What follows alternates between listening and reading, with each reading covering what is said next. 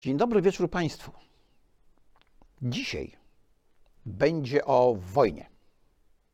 O wojnie pokoleń. Dzień dobry wieczór. Tu Gwiazdowski mój. Robert Gwiazdowski.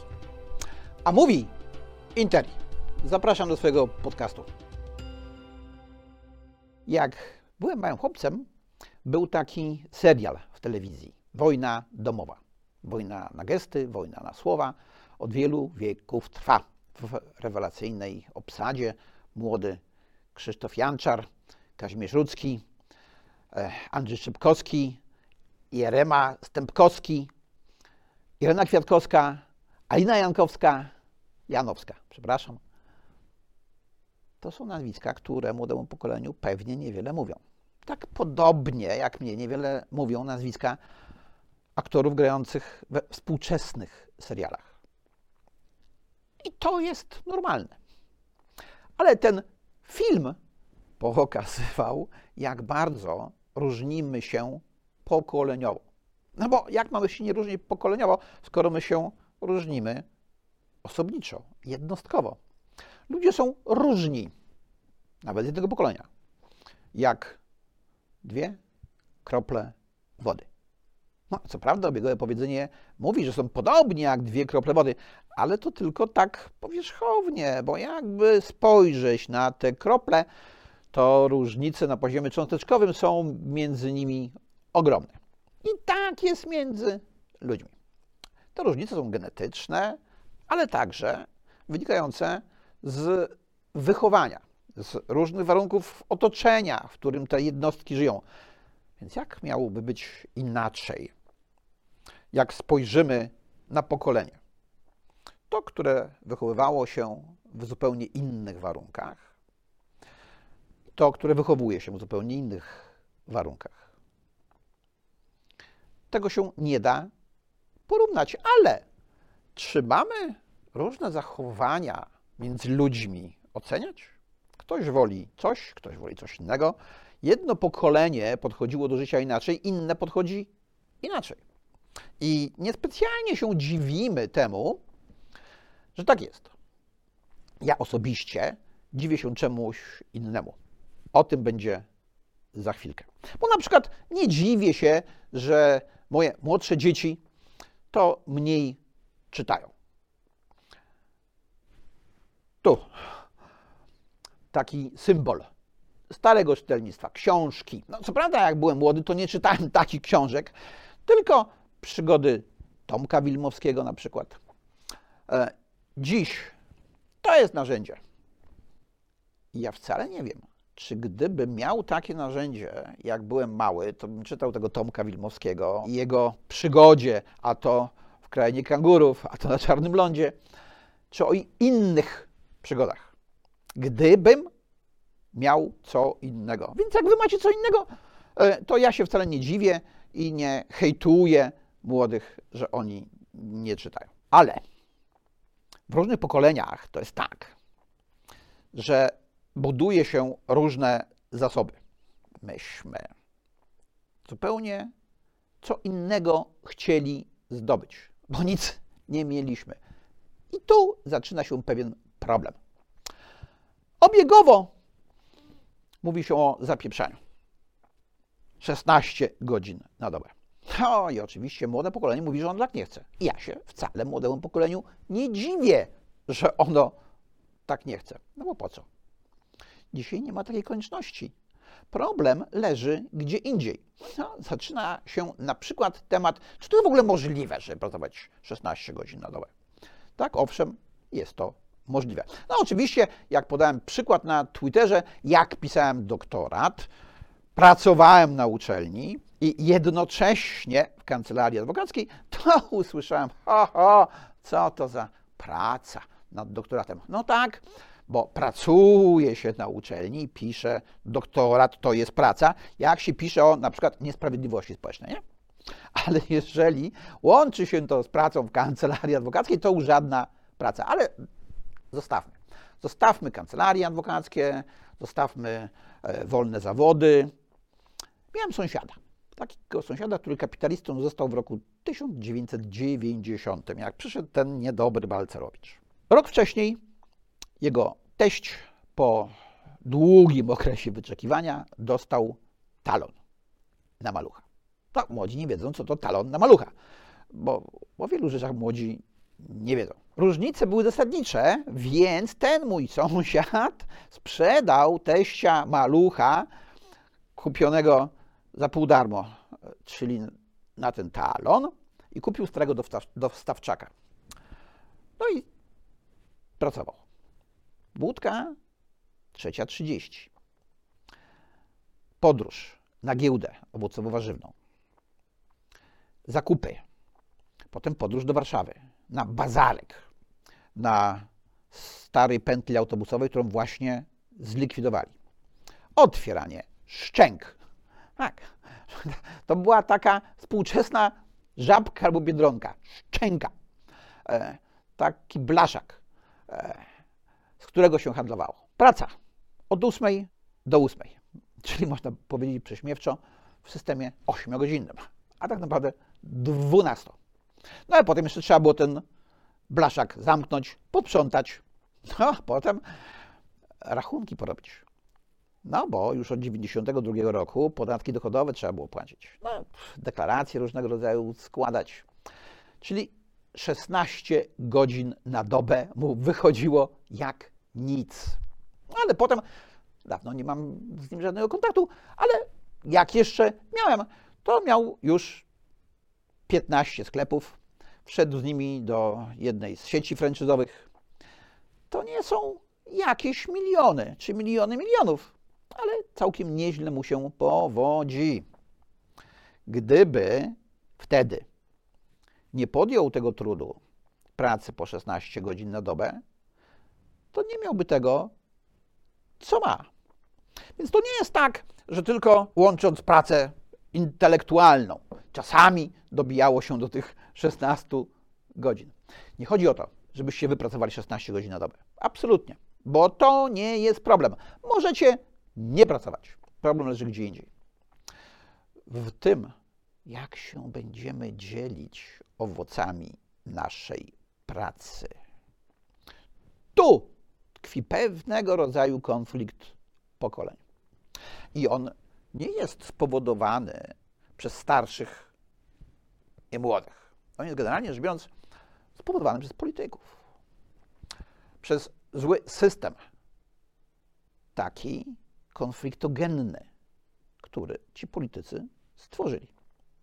Starszym ludziom wydaje się całe życie, że oni oszczędzają na swoje emerytury. No więc jak już są na tej emeryturze, o czym opowiadałem w jednym z poprzednich odcinków, no to chcieliby tę emeryturę mieć godną. Przez całe życie na nią pracowali. Chcieli mieć trzynastkę, czternastkę, no może nawet dostaną teraz piętnastkę. Młodzi ludzie mają pretensje, że za mało zarabiają. Bo przecież oni nie będą pracować po 16 godzin na dobę, żeby zarabiać więcej. Powinno starczyć 8. No, powinno. Tylko, że młodzi ludzie nie wiedzą, ile oni zarabiają, bo części tego, co oni rzeczywiście zarabiają, to im w ogóle nikt nie pokazuje, bo to jest ta część, która przypada na składki płacone przez pracodawcę. Oni widzą to, co dostają, za co mogą zrobić zakupy, no i ewentualnie to wynagrodzenie brutto, od którego się odejmuje te składki, które na nich przypadają, a nie na pracodawcę. Tylko, że tak jak tłumaczyłem przy emeryturach, ci starsi to żyją z tego, co na bieżąco wypracują ci młodzi. Jest to konfliktogenne, bo tych młodych jest coraz mniej, a tych starszych, którzy już nie pracują, jest coraz więcej. Jednym z istotnych problemów podejścia do tego, czy lepiej ciężko pracować, czy lepiej się samorealizować, poświęcić na przykład rodzinie, czy nie ryzykować rozpadem rodziny i małżeństwa, bo za dużo się pracuje, tylko pracować mniej i żyć szczęśliwiej. Tak, to powinny być indywidualne wybory poszczególnych ludzi. Ale trudno oceniać. To w kategoriach dobra i zła. To są wybory. I takie są fakty, że różni ludzie różnie wybierają. No bo wyobraźcie sobie, że mamy tysiąc osób i te tysiąc osób ma uporządkować w jakiejś przez siebie preferowanej kolejności jakieś kulki. Powiedzmy tysiąc.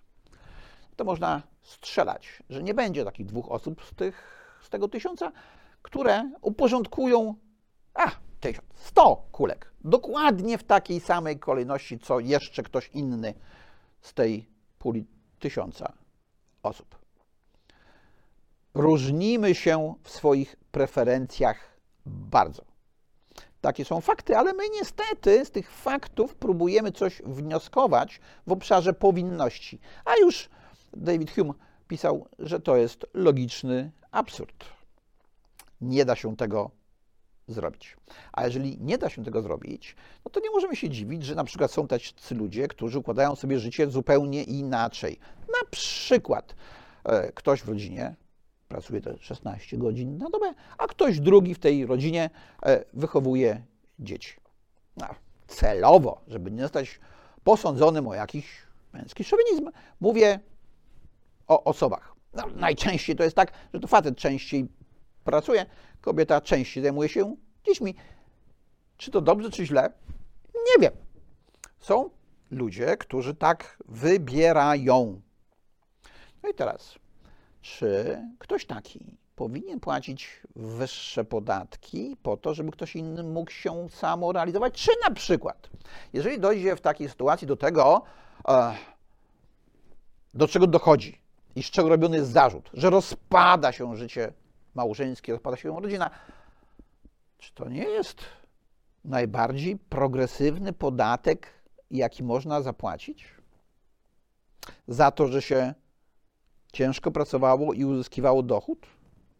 No dobra, można było nie pracować tyle.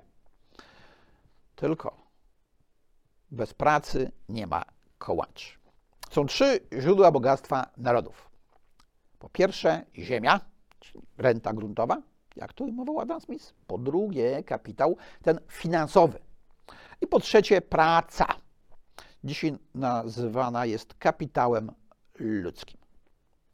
No i tak jak już kiedyś opowiadałem, ziemia pozostawiona odłogiem nie tworzy żadnej wartości dodanej. Kapitał ten finansowy, zaniesiony do banku albo zakopany w ogródku, nie stworzy żadnej wartości dodanej. To dopiero człowiek swoją pracą, łącząc zasoby ziemi z kapitałem, tworzy wartość dodaną. Więc, żeby ta wartość dodana była jak największa, to musimy pracować jak najwięcej. W sensie niekoniecznie godzinnym. Bo czasami wystarczy lepsza jakość pracy, ale czasami nie wystarczy. Czasami trzeba pracować dłużej. Po prostu. No i to są wybory indywidualne. Nie ma żadnego przełożenia jeden do jednego. Więc, droga młodzież, nie denerwujcie się, jak wam dziadersy mówią, że oni pracowali po 16 godzin na dobę. No przecież nie przez 40 lat, bo po to się pracowało czasami po te 16 godzin na dobę, żeby potem nie pracować w ogóle, żeby móc zostać rentierem albo żeby już tylko pouczać innych.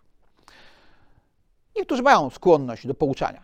Ja się czasami muszę powstrzymywać, żeby was nie pouczać. Czytajcie książki.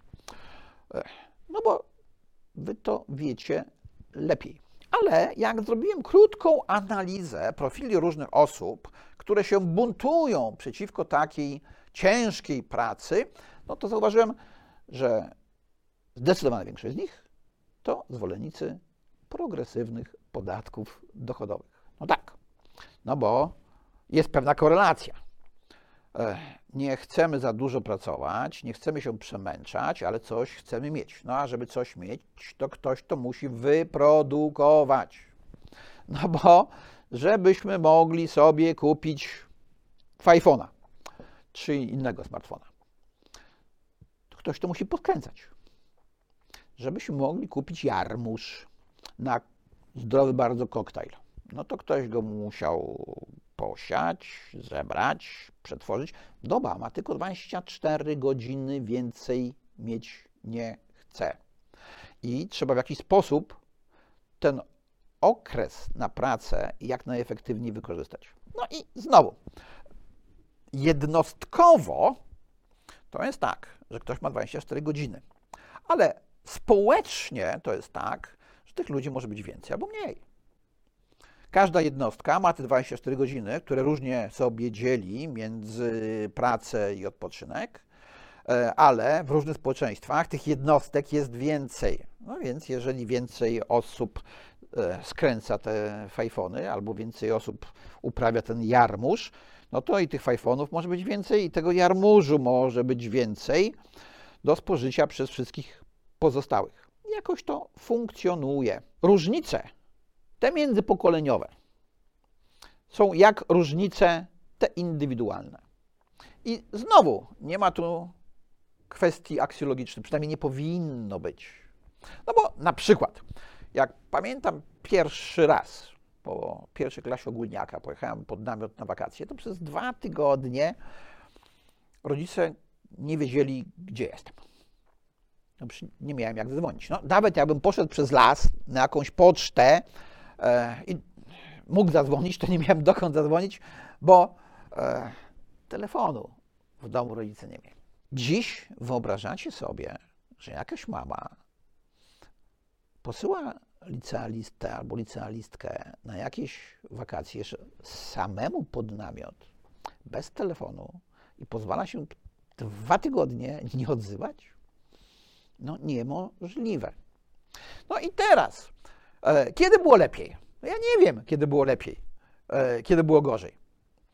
Z mojego punktu widzenia, jako dzieciaka, lepiej było wtedy. Ja sobie jechałem, miałem święty spokój, no ale dzisiaj z punktu widzenia ojca, kurczę, kurczę, więc zaczynamy się przyglądać temu, co ja robiłem jako dzieciak, jak mogli odbierać to moi rodzice, tylko no, nie mogli oni wtedy ode mnie wymagać, żebym dzwonił codziennie do domu, e, bo nie miałem jak. Nawet jakbym poszedł na tą pocztę, e, żeby znaleźć telefon, to oni nie mieli go jak odebrać. Więc było zupełnie inaczej. E, po internecie chodzą takie filmiki, jak to było fajnie, jak dostaliśmy w latach 60., 70. E, słynne memy. Dobrze, że nie było wtedy internetu, bo nie zostawiliśmy śladów, jakie to my głupoty robiliśmy.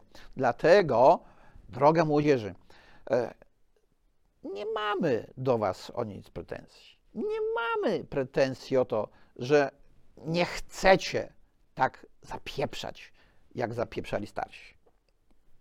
Mało tego, my to doskonale rozumiemy. Jako dobrzy rodzice. Dobrzy rodzice zawsze chcą, żeby ich dzieci miały lepiej niż mieli oni. No i wrócić musimy do podatku dochodowego, progresywnego podatku dochodowego. To jest zło. Ja o tej progresji podatkowej mówiłem już wielokrotnie, a teraz umieszczę to e, nie w kontekście inwigilacji obywateli tylko w kontekście właśnie takiej głupiej wojny pokoleń. Prosty przykład. Jak ktoś kończy szkołę i idzie do pracy.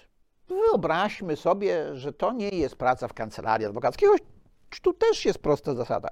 Jak przychodzi prawnik do kancelarii adwokackiej po studiach, to zarabia mniej niż prawnik, który pracuje tam już 5 czy 10 lat.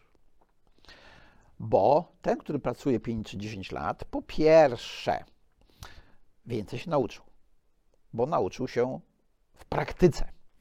Po drugie, no, jak pracuje te 5 czy 10 lat, to już nabrało się do niego większego lub mniejszego zaufania. Jak się nabrało większego, to będzie mu się płaciło więcej. A taki młody, no nie wiadomo, co mu przyjdzie do głowy, co on tam napisze. Trzeba go bardziej kontrolować. Czyli dołożyć swojej własnej pracy. Ale zostawmy prawników, nie będę się zajmował swoją branżą.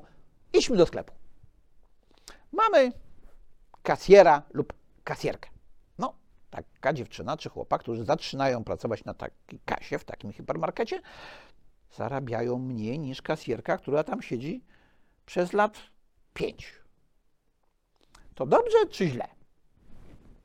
Niektórzy mogą powiedzieć, że źle. No, że jak wykonuje taką samą pracę, to powinien dostać taką samą płacę. Tylko nie wiadomo, czy po pięciu latach on tę samą pracę, czy inaczej taką samą pracę wykonuje tak samo, mimo że to ta sama praca. Nawet jeżeli tyle samo jednostek czasu na tę pracę poświęcają. Tak jest, że pracodawcy więcej płacą tym, którzy u nich dłużej pracują. No ale to rynek. Rynek może być zły. Niektórzy mogą powiedzieć, powinno być porówno. To teraz zobaczcie, co robi interwencjonizm państwowy. Otóż, zgodnie z kodeksem pracy, jak nie pracujecie na tym rynku, tylko w urzędzie jakimś państwowym, to jak psu zupa z mocy ustawy. Po pięciu latach należy Wam się 5% więcej. I po każdym roku kolejny 1% więcej. Czyli ustawodawca w demokratycznym państwie prawnym urzeczywistniającym zasady sprawiedliwości społecznej urzeczywistnia tę sprawiedliwość w taki sposób, że jak człowiek na takim samym stanowisku pracuje 5 lat, to zarabia więcej. Czyli to nie jest tak, że widzi mi się pracodawcy. To widzi mi się ustawodawcy. I to tego, który jest ustawodawcą w państwie prawnym urzeczywistniającym zasady sprawiedliwości społecznej. Co to oznacza? No to oznacza, że ludzie starsi mają większe pensje. Więc ludzie starsi mogą więcej odłożyć. Zwłaszcza, że im są starsi, tym mają mniejsze potrzeby. Bo tak się nieszczęśliwie składa, że największe potrzeby mamy wtedy, kiedy jesteśmy młodzi. I wtedy mamy też największe oczekiwania. I temu też się nie można dziwić. To też jest całkiem naturalne. Ci młodzi chcą mieć różnego rodzaju gadżety. E, starsi nie potrzebują. Częściej wymieniają ciuchy. Starsi nie potrzebują. E, więc jak starsi zarabiają więcej i mogą odłożyć, a im starsi to mogą odłożyć więcej, tym po pierwsze rośnie ich dochód, a po drugie rośnie ich majątek. Proste? No proste. Więc różnica między dwudziestolatkiem rozpoczynającym pracę, a 60-latkiem, który tę pracę kończy, zarówno dochodowa, jak i majątkowa, jest istotna. Podkreślam, dochodowa i majątkowa, bo dochód to to, co na bieżąco mamy, a majątek to to, co udało nam się zgromadzić. I w jaki sposób to podlega podziałowi między różne pokolenia i między różnych ludzi. Bo jakoś tak się składa, że prawnik w dużej kancelarii adwokackiej zarabia więcej niż urzędnik państwowy albo ludzie pracujący w hipermarkecie na kasie. No, zarabia więcej, bo się więcej uczył. Niektórzy to nawet doktorat zrobili. Haha. To jest rzecz kompletnie normalna. Ale niestety, system stworzony w taki sposób, że coś, co jest normalne dla każdego indywidualnie, staje się czasami nienormalne. Widzimy bowiem pewne rzeczy, których na pierwszy rzut oka nie widzimy. Na pierwszy rzut oka wydaje nam się, że te dwie krople wody są takie same, że dwie osoby siedzące na kasie w hipermarkecie to w zasadzie takie same. No nie, nie takie same. I to nie tylko obiektywnie. No bo na przykład, e, jak szybko po tej taśmie w kasie ktoś przesuwa towary, i obsługuje klientów, to się da policzyć. Można postawić kamerkę e, i zaobserwować. No i może się okazać, że ktoś taki młody przytyka się, robi to szybciej, sprawniej, wydajniej niż ktoś, kto tam siedzi od pięciu lat. Tylko pojawia się ten drugi element. Tego, który przychodzi pracować na tej kasie, trzeba poobserwować, zobaczyć, czy on rzeczywiście tak robi. Jak on tak to dobrze robi, to on szybciej awansuje. Zostanie kierownikiem wszystkich kas, potem może całego sklepu. Ja nie wiem, czy to dobrze, czy źle, ale pamiętajmy, że nie wszyscy wykonują wolne zawody, nie wszyscy są informatykami, nie wszyscy są prawnikami, ekonomistami, nie wszyscy są naukowcami. Są pewne rzeczy, które wymagają normalnej pracy, jak mój sąsiad. Teraz nie ma szczęk, teraz są sklepy, ale w tych sklepach trzeba pracować. I co więcej Wam powiem, e, pracuje się w tych sklepach tak do dziś. No, to już nie jest 16 godzin na dobę, to jest mniej, ale bardzo często to jest sporo więcej niż 10. To bardzo często jest około 12. Dlatego, że jak ktoś pracujący na kasie wraca do domu, to on nie myśli o tym, jak będzie jutro liczył pieniądze na kasie. A jak ktoś jest właścicielem sklepu i przychodzi wieczorem do domu, a sklep już jest zamknięty, to on myśli jeszcze o tym, co jutro musi dokupić, czego mu na półkach brakuje. Czy może jakoś przestawić te towary na półkach inaczej, czy zostawić tak, jak były dotąd. Mało tego. On musi się troszczyć o to, żeby wszystkie sprawozdania do GUS-u złożyć, deklaracje do ZUS-u, żeby złożyć. Tak to niestety wygląda. Więc to też się, proszę Państwa, liczy do godzin pracy. Tych, którzy coś chcą. Ciekawostka, jeszcze znowu o moim sąsiedzie, e, który zaczynał od szczęki na jednym bazarku, a dzisiaj ma kilkanaście sklepów sieciowych. Na początku swojej aktywności, no nie tak na początku, e, po kilku latach zatrudnił pracowniczkę. Elegancko, proszę Państwa, na etat, na umowę o pracę. Szybko się wyleczył. No bo on pracował po te 16 godzin, ale jej się nie chciało nawet 8. Zatrudniła się wiedząc, że już jest w ciąży, no a potem e, zaczęła przynosić zwolnienia. Ten mój sąsiad powiedział, nigdy więcej, żadnych umów o pracę. Pytanie, on jest zły, czy ona była zła? Pytanie aksjologiczne. Ja nie wiem, ja nie będę oceniał, kto jest zły, a kto jest dobry. Ta pani po prostu nie wiedziała, że to on musi za nią zapłacić, mimo że ona była ubezpieczona przez niego w ZUS-ie. E, początkowo to on musiał płacić za jej zwolnienie lekarskie. Dlaczego tak się stało? Bo politycy stworzyli taki system. No i teraz politycy mają kłopot z systemem, który sami stworzyli. Ten system szwankuje. O tym, że mamy wojnę pokoleń, to prasa światowa pisze od 20 lat. Zwróćcie Państwo uwagę na próby reformy systemu emerytalnego. W Niemczech, we Francji, we Włoszech to się nigdzie nie udaje. Mimo, że dochodzi do poważnych rozruchów, manifestacji ulicznych. Młodzi protestują, że za mało zarabiają. Nie, że za wysokie płacą podatki. Za mało zarabiają.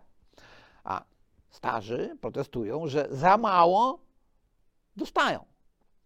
No bo przecież oni już kiedyś pracowali. Nie biorą pod uwagę tego, że tych starych jest dużo, tych młodych jest mało. I tu znowu wracamy do tej dyskusji o zapieprzaniu przez 16 godzin na dobę. Jak dzieci wychowywać? No, właśnie. Z tym jest kłopot, ale to już tłumaczyłem, e, że można to zrobić różnie. Zauważcie Państwo taką bardzo niepoprawną politycznie prawidłowość. Otóż, jak jest większa różnica wieku między małżonkami, to zazwyczaj więcej jest dzieci w takim małżeństwie. E, z punktu widzenia demograficznego to chyba dobrze. Z punktu widzenia indywidualnego, no jakby było źle, to by tak nie było, bo tutaj mamy indywidualne wybory. Więc z jakiegoś powodu tak się dzieje. Ale my o pewnych rzeczach nie dyskutujemy, bo nie wypada, bo nie wolno. Dyskutujmy, rozmawiajmy o różnych rzeczach. Spierajmy się może nawet. Mając cały czas w tyle głowy, że ta wojna pokoleniowa, ta wojna domowa od wielu wieków trwa.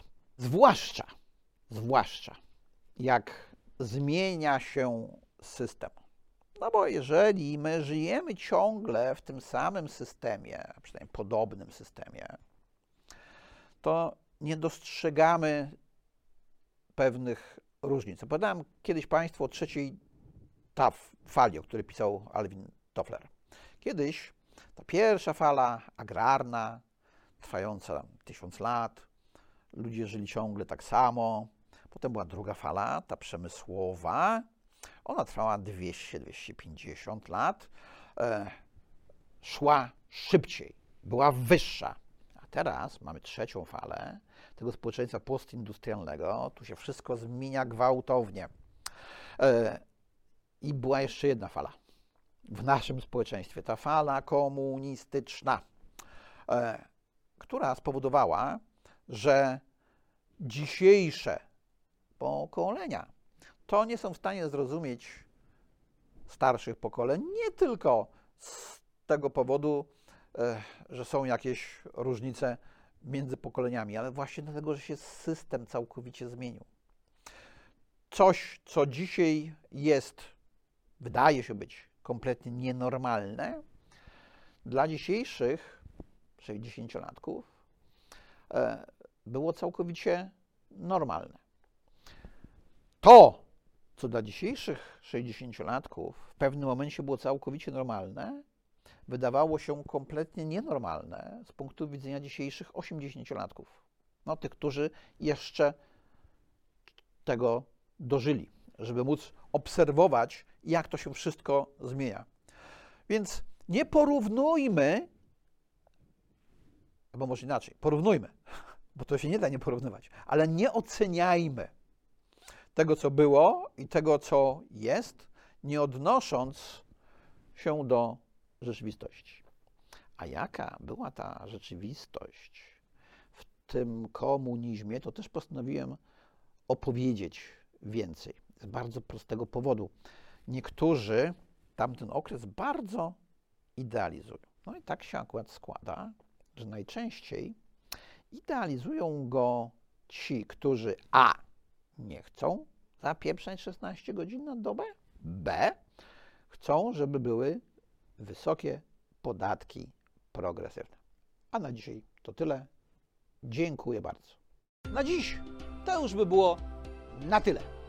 Dziękuję bardzo i zapraszam na następny odcinek.